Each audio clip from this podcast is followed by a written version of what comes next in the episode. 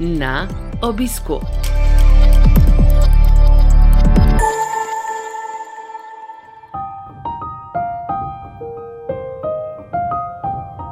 Dobrodošli v novi epizodi serije podkastov na obisku, ki nastaja v produkciji Slovenskega združenja bolnikov z limfomom in leukemijo.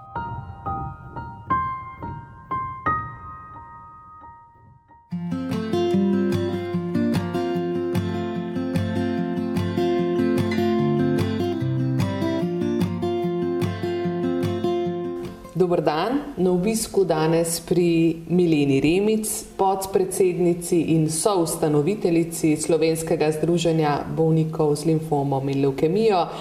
Torej, pri Mileni Remic, ki je vse skozi sooblikovala to združenje, ki povezuje več kot 600 članov, podpornikov, svojcev in pravzaprav tudi tako srce našega združenja. Milena Remic, živijo. Zdravo. Milena, rekli smo od samega začetka pri združenju, če zavrtiva čas, koliko 14, skoraj da 15 let nazaj, povej nam, kako se vse skupaj začelo. Ja, vse skupaj se je začelo leta 2006, mogoče že. To 15 že teče. Ja, tako je. Ja. Um, začelo se je po mojem zdravljenju imela sem veliko željo, da bi nekako vse te stvari, ki so se mi zgodile med zdravljenjem, uh, delila z ljudmi, ki, to, ki na to pot šele stopajo in uh, potrebujejo pomoč, oziroma bi jim kakšna bodrilna beseda pomagala, pa tudi kakšna informacija. Uh, tako da smo uh, ustanovili skupaj uh, najprej uh, forum. Eh, za pomoč eh, in pogovor eh, med bolniki po presaditvi krvotornih matičnih celic.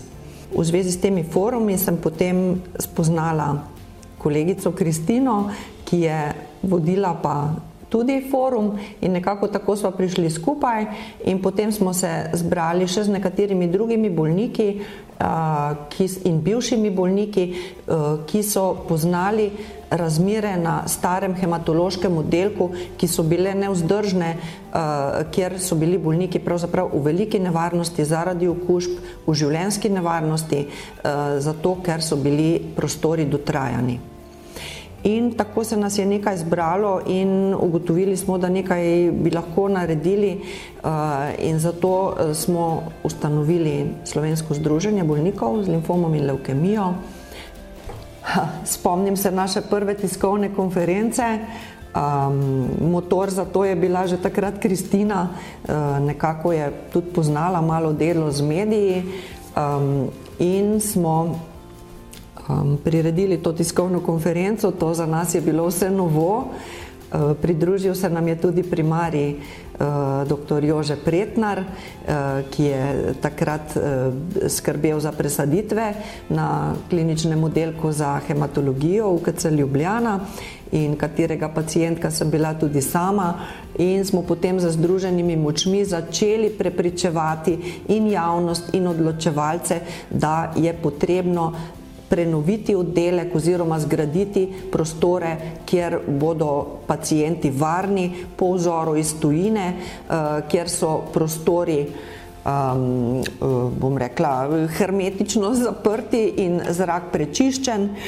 Um, in ta naša uh, bitka, skupaj z zdravniki iz kliničnega oddelka za hematologijo in tudi iz drugih bolnišnic po Sloveniji in tudi z drugimi društvi in uh, konc koncev tudi z odločevalci. Uh, ta nekako um, to prizadevanje je trajalo več let. Ravno to sem hotela pravzaprav vprašati. Danes se zdi vse elegantno, urejeno, na zelo visokem nivoju. Pa to ni bilo samoumevno, to ni bila bitka, to je bil dolgoleten boj, ne, da so danes takšni uh, ustrezni prostori, lepi, sodobni. Zato ste vsi skupaj veliko korakov prehodili. Seveda, seveda, bilo je ogromno dogovarjanja, eh, tudi eh, medsebojnega informiranja, ozaveščanja. Eh, tako tudi z ministrstvom kot s kliničnim centrom. bilo je tudi veliko zastojev, tudi administrativnih uvir. Um, no, pridob, mislim, problem so bila in sredstva in organizacijske težave. Da zelo se je vključeval tudi profesor Črnelč, ki je bil uh, predstojnik kliničnega oddelka za hematologijo. Tudi on je vložil izredne napore in krona vsega je bila, da so se leta 2014 14, prvi bolniki preselili na ta oddelek. Tudi profesor Zvir se je intenzivno vključil, profesor Županova. Težko bi, gotovo sem koga, veliko sem jih izpustila, tudi medicinske sestre in drugi. Vsi smo nekako skušali, ne na zadnje, zelo, zelo veliko vlogo so igrali mediji, ki so videli to stisko in so nam pomagali, da se je glas o tem razširil in tudi vplival na odločevalce, ki so seveda vedno tudi, bom rekla, ne med dvema ognjema, ampak med številnimi ognji. Um, in mislim, da je zadeva uspela v dobro bolnikov. In ko zdaj vidimo, kakšne razmere, kakšno dobro možnost imajo bolniki in tudi zdravniki in vsi drugi zdravstveni sodelavci se zelo pohvalijo, da sedaj se pa da zdraviti bolnike res mm -hmm. tako, kot je treba. Odlično. Zdaj to poletje je Mateja Jordovič Potočnik, to je fotografka, ki je vse skozi spremljala delo združenja, objavila neke stare fotografije, se zdijo kot iz prejšnjega stoletja, ne, kako je včasih izgledalo delo in kakšni so bili pogoji za bolnike na kliničnem oddelku za hematologijo. Vsi skupaj se dobrega hitro navadimo, ne?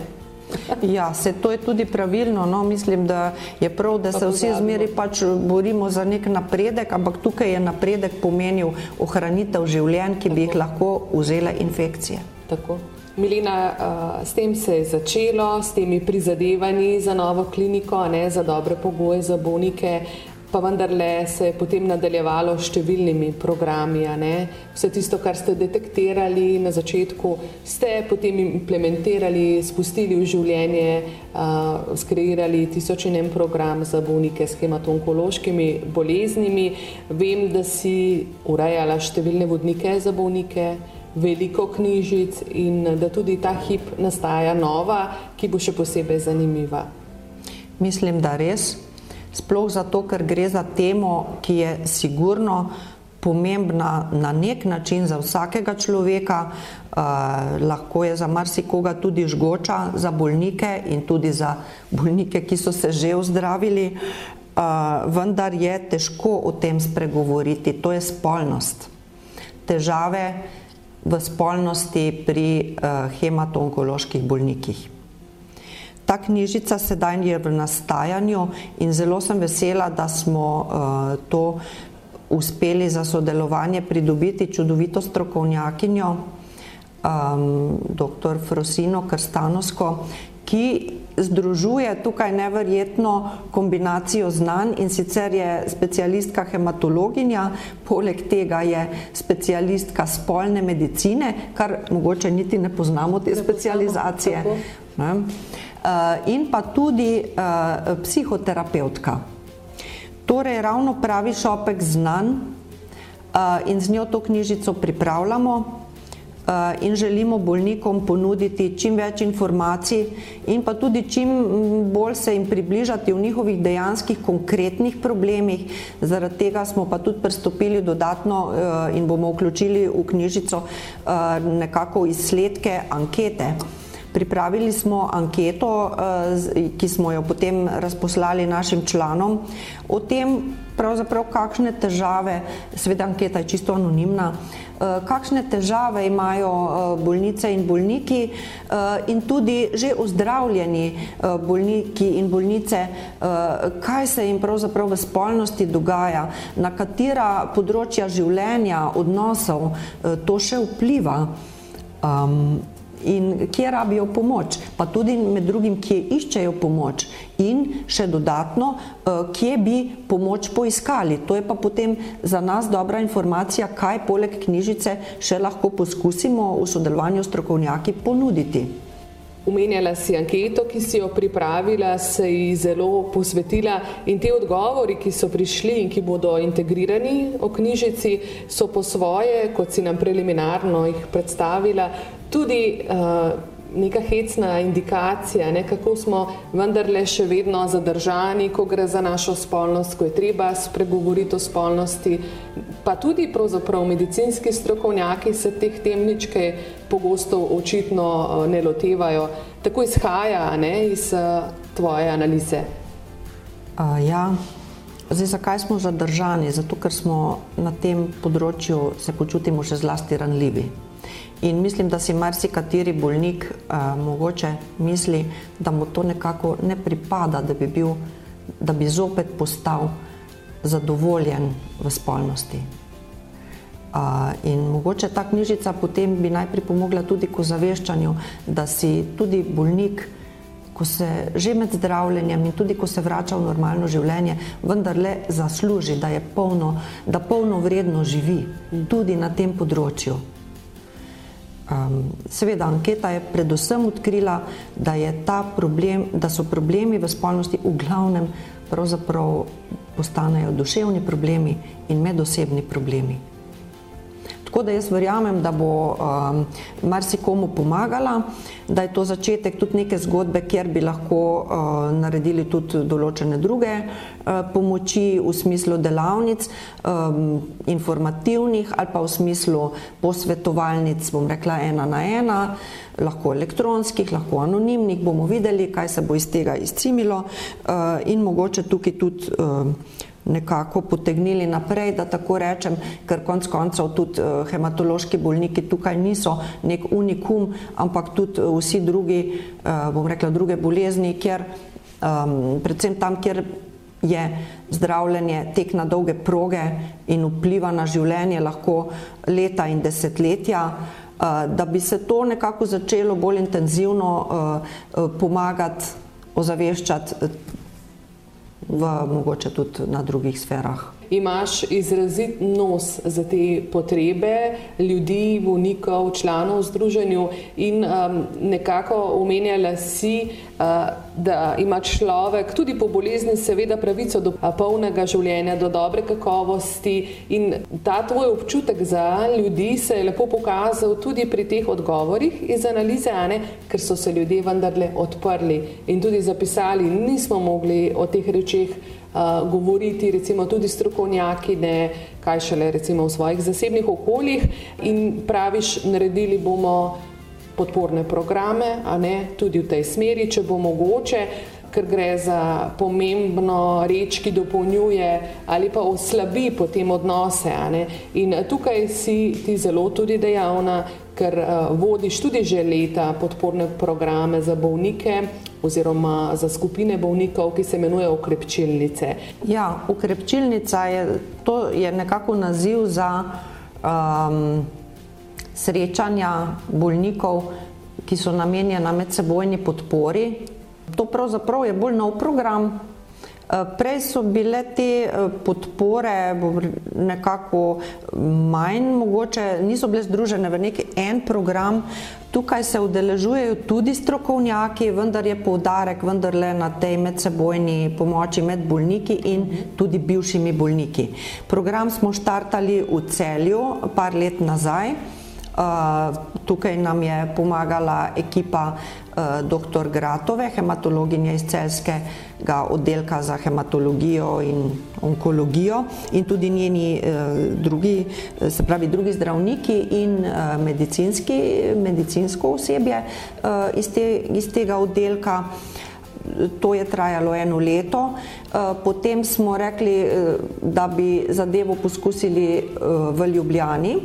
Eh, da se malo krajevno, bom rekla, počasi širimo oziroma ne širimo, ampak da eh, se premikamo.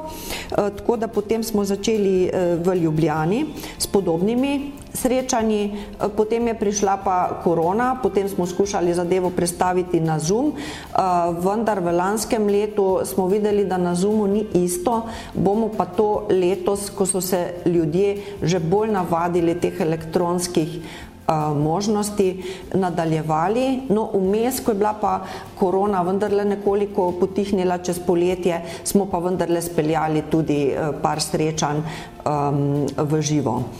Uh, kaj počnemo na teh srečanjih? Na teh srečanjih mogoče v vodoma pripravim malo um, teorije na neko temo. Zadnja tema, ki smo jo obravnavali, je bila smeh. Uh, prej so bile teme, recimo, nisem samo bolnik, sem mnogo več, potem teme um, o svojcih, teme, kaj me veseli, teme, kaj me skrbi. Uh, in tukaj se v glavnem pogovarjamo. In vsak ima možnost pač povedati, kar hoče, podeliti, kar hoče, in uh, to, kar ljudje delijo med seboj, je včasih zelo intimno, vse ostane v skupini, tako smo zmenjeni. V skupino se lahko pridruži, kdor hoče, to so čisto odprta srečanja, to niso zaprte skupine eh, in kljub temu funkcionirajo, bom rekla, dokaj zaupljivo. Um, se pa seveda dosti krat isti eh, člani eh, pridružijo, včasih pa potem tudi novi. In mislim, da doslej smo nekako, po moji oceni, vsi šli domov nekako obogateni. Um, zelo različnih starosti smo, so in tudi različnih ozadij in tudi eh, eni so v procesu zdravljenja, eni so mogoče že 10, 15, 20 let po zdravljenju. Mhm. Tudi naziv nekako se mi je zdel um, primeren, ker je to bila nekako želja, da bi se ukrepčali. Zdaj, tukaj sem poskusila mečkan tudi uh, svojih teoretičnih znanj pridobljenih na nedavnem študiju v to vključiti iz psihosocialne pomoči in nekako tukaj uh, kakšno krepčilno vsebinco dodati in potem pa prepustiti um, udeležencem, da smo potem pravzaprav vsi učitelji in vsi učenci na teh srečanjih.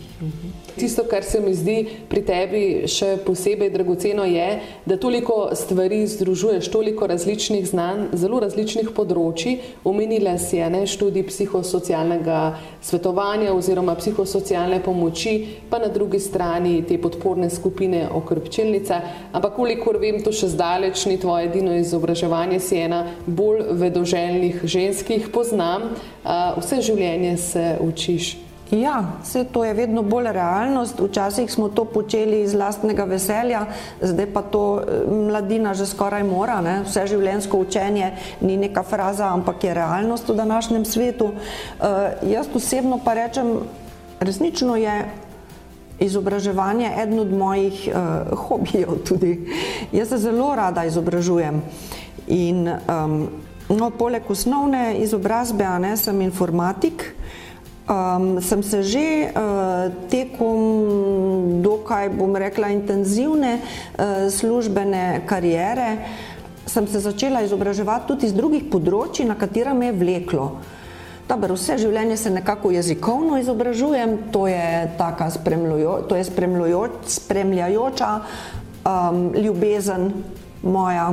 25 let nazaj sem se tudi vključila v program na filozofski fakulteti pedagoško-andragoškega izobraževanja, uh mhm. -huh. ker sem si že nekako želela delati v kakšnih skupinah, kjer bi uh, kakšna nova znanja lahko tudi pomagala deliti, usmerjati.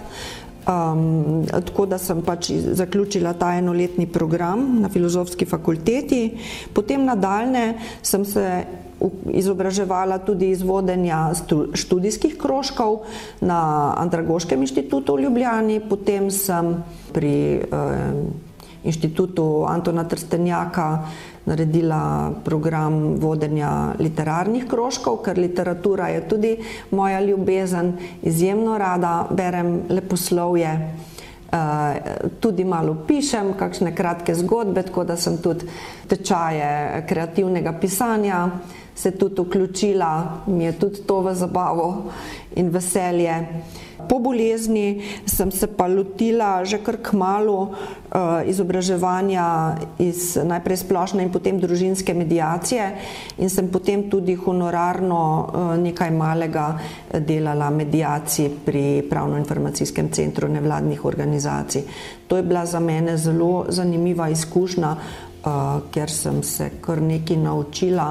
Včasih me je situacija kar mal se zula, to so zelo težke situacije. Družinska medijacija najbolj, najbolj je težka, zelo težka, so mm. zelo težke stvari, na katere včasih tudi nisem bila pripravljena, mogoče uh, čisto dobro. In sem mogoče zaradi tega še čutila, čutim pa veliko, vesel, veliko afiniteto do tega in sem mogoče tudi zaradi teh izkušenj in pa potem izkušenj z bolniki, s težkimi zgodbami, ki pa vendar se jih da nekako, da se nudi človeku pomoč na tak način, da jo lahko sprejme, ni pa to čisto enostavno. No in zaradi tega sem se pa vključila pa še na študij um, psihosocialne pomoči, na fakulteti za uporabne družbene študije. Sem naredila ta enoletni program psihosocialne propedeutike. To je bilo pa dve leti nazaj in kljub temu, da nisem več rasno mlada, nisem bila najstarejša študentka. Povej, Milena, eh, vse življenjsko učenje si umenjala. Zakaj je pravzaprav pomembno, da vse življenje smo odprti za nova znanja, za izkušnje, tako moramo biti, se jih življenje samo po sebi nosi? Zakaj meniš, da je to tako zelo pomembno, pa ne samo za zelo mlade ljudi, ampak tudi v srednjih in zrelih letih? Ja, če se želimo razvijati, če nam to pomeni neko dodatno kvaliteto življenja, tako našega, vsekakor tudi našega, kot tudi tistih, ki jim poskušamo na ta način pomagati ali pa z njimi sodelovati, ker konec koncev vsako učenje ima verjetno vendarle neko, eh, neko uporabno vrednost, pa naj si je takšno ali drugačno, s tem na nek način tudi lahko obogatimo skupnost, eh, nekaj, nekaj doprinesemo, ne? karkoli počnemo, karkoli znamo, nekaj doprinesemo. In mislim, da je tudi povezava različnih področji nekaj, kar je zelo pomembno. Ne? Specializacija, eh, bom rekla, v eno področje je vsekakor zelo pomembna stvar, da imamo tudi specialiste, ki ogromno vedo o nekem področju, več kot drugi in lahko na ta način zelo veliko naredijo. Jaz osebno pa mogoče bolj stavim na um, ne vem, na širino, ali pa me mogoče tudi to zanima. Zelo me zanima povezovanje področji. Taka sinteza različnih področji. Ja, ja. In Tega sem se nekako lotila pa še na enem področju, namreč jaz zelo rada imam kuške, zdaj imam že peto kuško v svojem življenju. To je moja izjemno ljubezniva, mirna in prijazna zlata prinašalka Kija, s katero smo se vključili v uh, društvo za pomoč s pomočjo živali, tačke, pomagačke in sva sedaj pripravnici. Se pravi, zopet sem učenka, sem pripravnica. Obe sta učenki. Obe sva učenki, ja, naredili sva že nekaj um, prejemni izpit, pa tudi nekaj drugih izobraževanj in tudi izpit. Um, in sedaj uh, pač sva pripravnici, se tudi pripravljava na zaključni izpit da bi pomagali kot terapevtski par na številnih področjih, eh, pri številnih mogoče ranljivih skupinah, pa ne samo ranljivih, ampak tudi pri ozaveščanju. Se pravi, ranljive skupine so tukaj mišljeni um, bolniki, eno so bolniki s težavami v duševnem zdravju, uh, potem so tukaj bolniki z gibalnimi ovirami, ker tudi tukaj lahko kuža zelo pomaga. Eh, primer je sodelovanje v rehabilitacijskem centru Soča, potem pa tudi, bom rekla, izobraževanje in pa pomoč in družabništvo v domovih starejših občanov. Potem ravno kar zadnjič smo bili dvakrat v osnovni šoli pri prvošolčkih na da se malo na ozaveščanju. Bili so taki sončki, da sem šla domov čist nabildana z energijo. Krasni so bili njihove učiteljice tudi. Um, Potem je tukaj tudi so vrtci, no tam še nisem bila, ker se še pač iz, v bistvu usposabljam. In tukaj lahko kuški se svojo čudovito energijo, pa tudi se svojo navihanostjo uh, naredijo veliko. In tako da nekako sem prišla na idejo, da bi lahko tudi naše člane v Slovenskem združenju bolnikov z, z limfomom in leukemijo tudi malo spodbujali, budrili in mogoče kakšno urico popestrili, uh, jih sprostili na ta način, da bi ti dve dejavnosti združili. Mogoče bi jih pripeljala na ukrepčilnico, mogoče bi, bil to, mogoče bi bila to posebna srečanja, to še ne vemo, ker, še pač, uh, ker se še učim in bo treba počakati, da bom suverena tudi na tem področju terapije s pomočjo psov. Vendar že s Kristino Modic ki je seveda, kot vsi vemo, motor našega združenja bolnikov z limfomom in leukemijo in dve sva sodelavki in upam si reči prijateljici že 14 let, odkar smo društvo ustanovili, eh, že malo snujeva. Tako, preliminarno, kaj bi lahko na tem področju storili. Tako da tudi tukaj bodo mogoče dejavnosti prišle skupaj in bomo poskusili tudi tukaj nekako združiti moči, združiti uh, znanja. Uh, in še eno uh, področje, kjer bi želela to svojo ljubezen do psov in pa ljubezen do literature združiti, je pa to, da bi se nadaljne pri tačkah pomagačkah vključila v program RID, se pravi beri, ne, branje, uh, kjer bi kot terapevtski par eh, s kuškom eh, pomagala otrokom, ki imajo težave z branjem. Ta RIT je mednarodna licenca, kjer se je treba potem še ekstra izobraževati, eh, vendar to bi potem bila perspektiva mogoče par let naprej. Um, in da bi združila tudi te dve področji, se pravi kuška in pa literaturo. Odlično. Tako da pač načrtov je veliko, kaj se bo pa dalo uresničiti. Uh, bomo pa videli, ampak itak. Jaz mislim, da veliko, glede na to, da mi je znano, da že zadnjih nekaj let upravljaš uh, tako ogromno število prostovoljskih ur samo v tem združenju, a ne uh, gre za prostovoljno delo, za prostovoljne dejavnosti, za ure in dneve, ki jih posvečaš programom združenja, tako da ne dvomim, da vse, česar se boš polotila, boš lepo odkljukala načrtovane cilje. Nekaj zelo osebnega bi še želela vprašati. Nekje vmes si omenila svojo hematološko bolezen, ki bolj ali manj ostaja en del tvoje zgodovine. Vem pa, da je en gospod, ki živi nekje na svetu, ime mu je Tomas, ki ima čisto posebno mesto v tvojem življenju. Seveda. Pri moji bolezni se je ta zgodba moje povezave s Tomasom, z mojim dragim prijateljem uh, Tomasom, začela pred, 14, pred 15 leti, pred 16 že sedaj. Čas izjemno beži. Um, ko sem potrebovala darovalca krvotvornih matičnih celic in uh, takrat sem izvedela od svojega zdravnika, to je bil takrat uh, docent dr. Uroš Mlakar na hematološkem oddelku v Ljubljani, da se je darovalec zame v svetovnem registru našel uh, in da mi bo pomagal, bom rekla, k novemu začetku z novimi celicami. In to je bilo za mene um, in za mojo družino, ki je skupaj z mano upala, da se bo ta način zdravljenja za me vendarle um, lahko odvil, ker s tem sem dobila upanje popolne ozdravitve za mojo bolezen. Uh, in to se je tudi zgodilo. In takrat nisem vedela, ne kdo je to, ne kje na svetu je.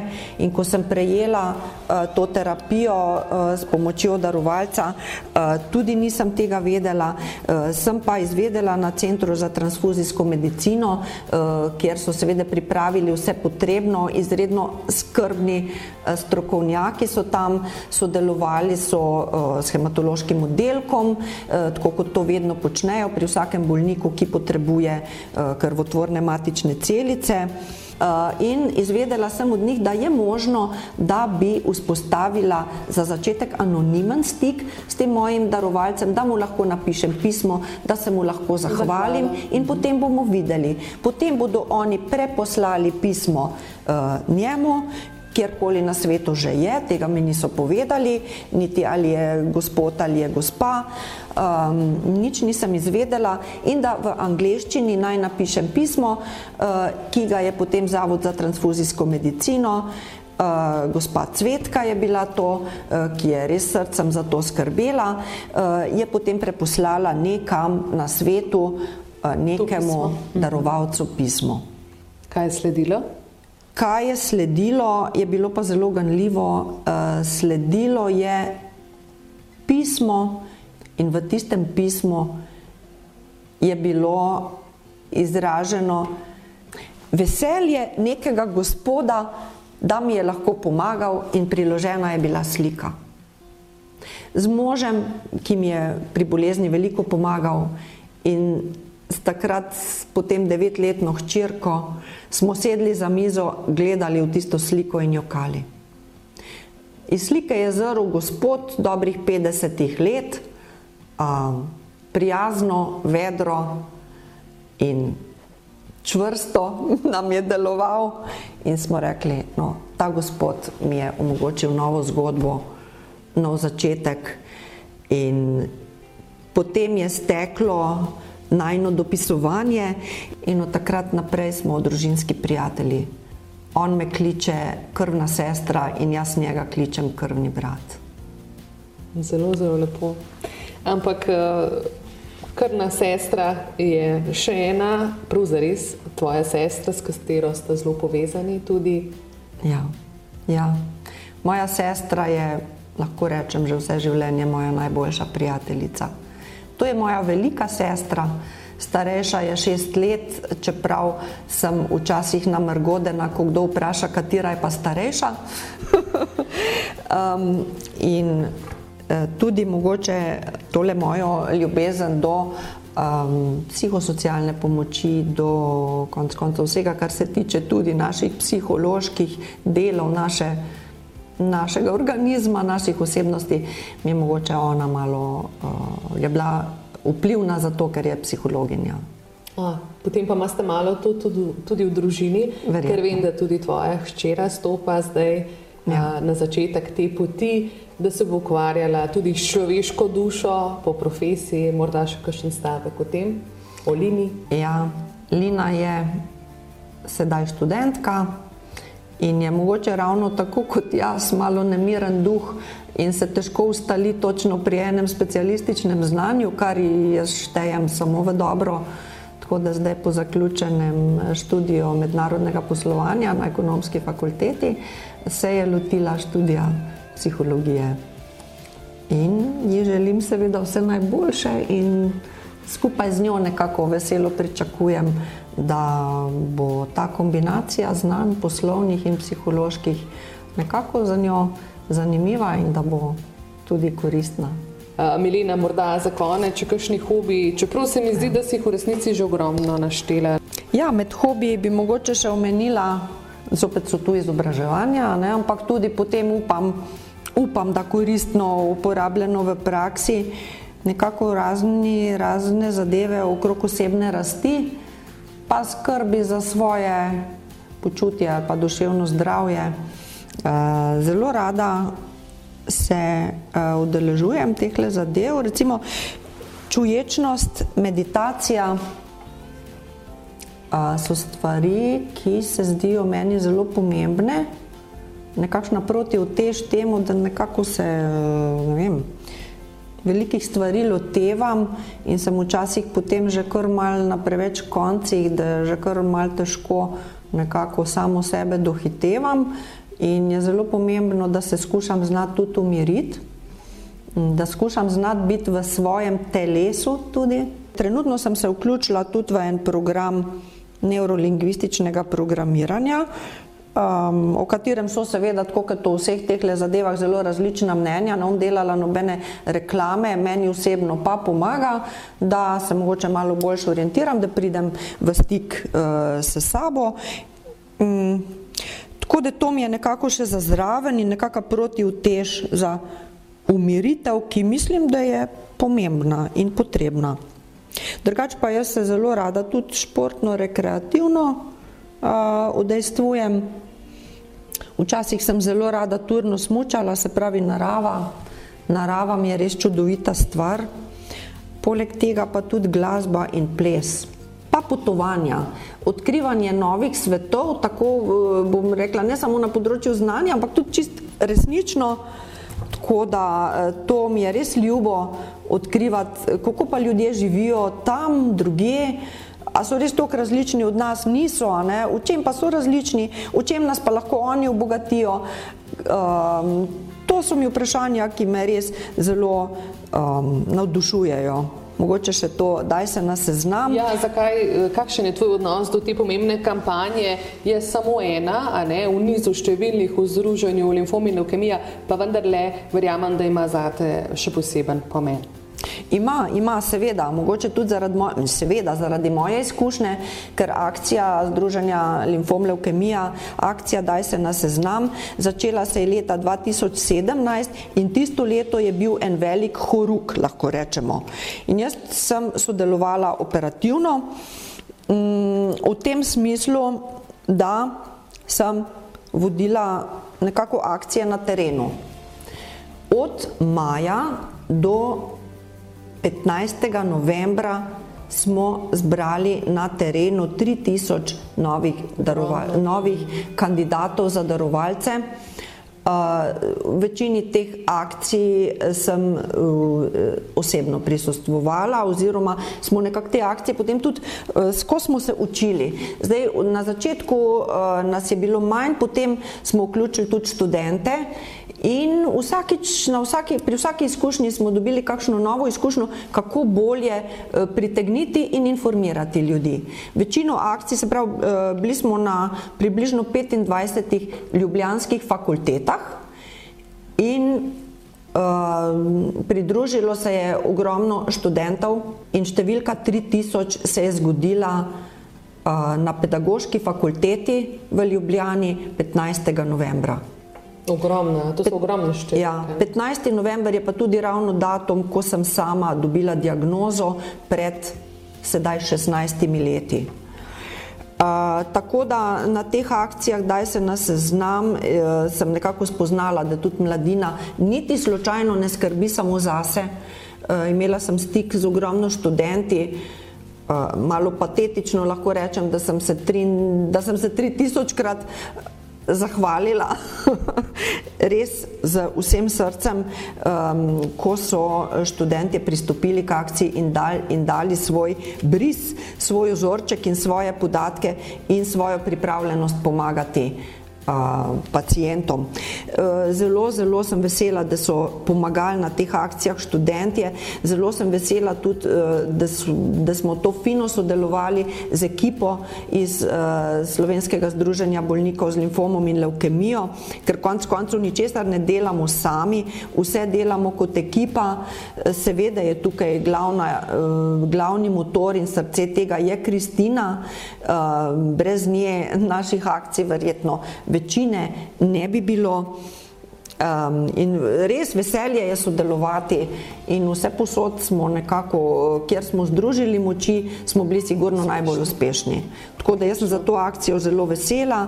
Takrat se je zgodil en velik preboj, uh, zdaj se pa to še vedno dogaja um, v nekem obsegu, stvar se je tudi spremenila v bolj elektronsko in mogoče bolj priročno. Uh, takrat je bilo to osebno, vse na osebnem nivoju, tudi torto smo na pedagoški fakulteti pihali skupaj s tistimi uh, darovalci, ki so se takrat priključili in s tistimi um, člani ekipe, ki smo hodili od fakultete do fakultete.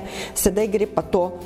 Um, Se da priključiti temu, da uh, pač dobi, uh, kdor bi želel pristopiti, um, ta palčke za, bri, za uh, bris, za odzem vzorčka, dobi domov, jih lahko doma izpolni, vse skupaj je postalo bolj enostavno. Um, in ta akcija teče naprej in pomaga ljudem v stiski s krvnimi raki. Milena Remic, najlepša hvala, veliko uspeha, veliko dobrih odločitev, ki jih sprejemate v izvršnem odboru Slovenskega združenja bolnikov z limfomom in leukemijo, katerega članica, trenutno tudi podpredsednica združenja, uh, si od njegovega začetka. Veliko dobrih programov, dobro zdravje in dobro voljo. Hvala lepa, tudi jaz bi dobro zdravje zaželela vsem in dobro voljo.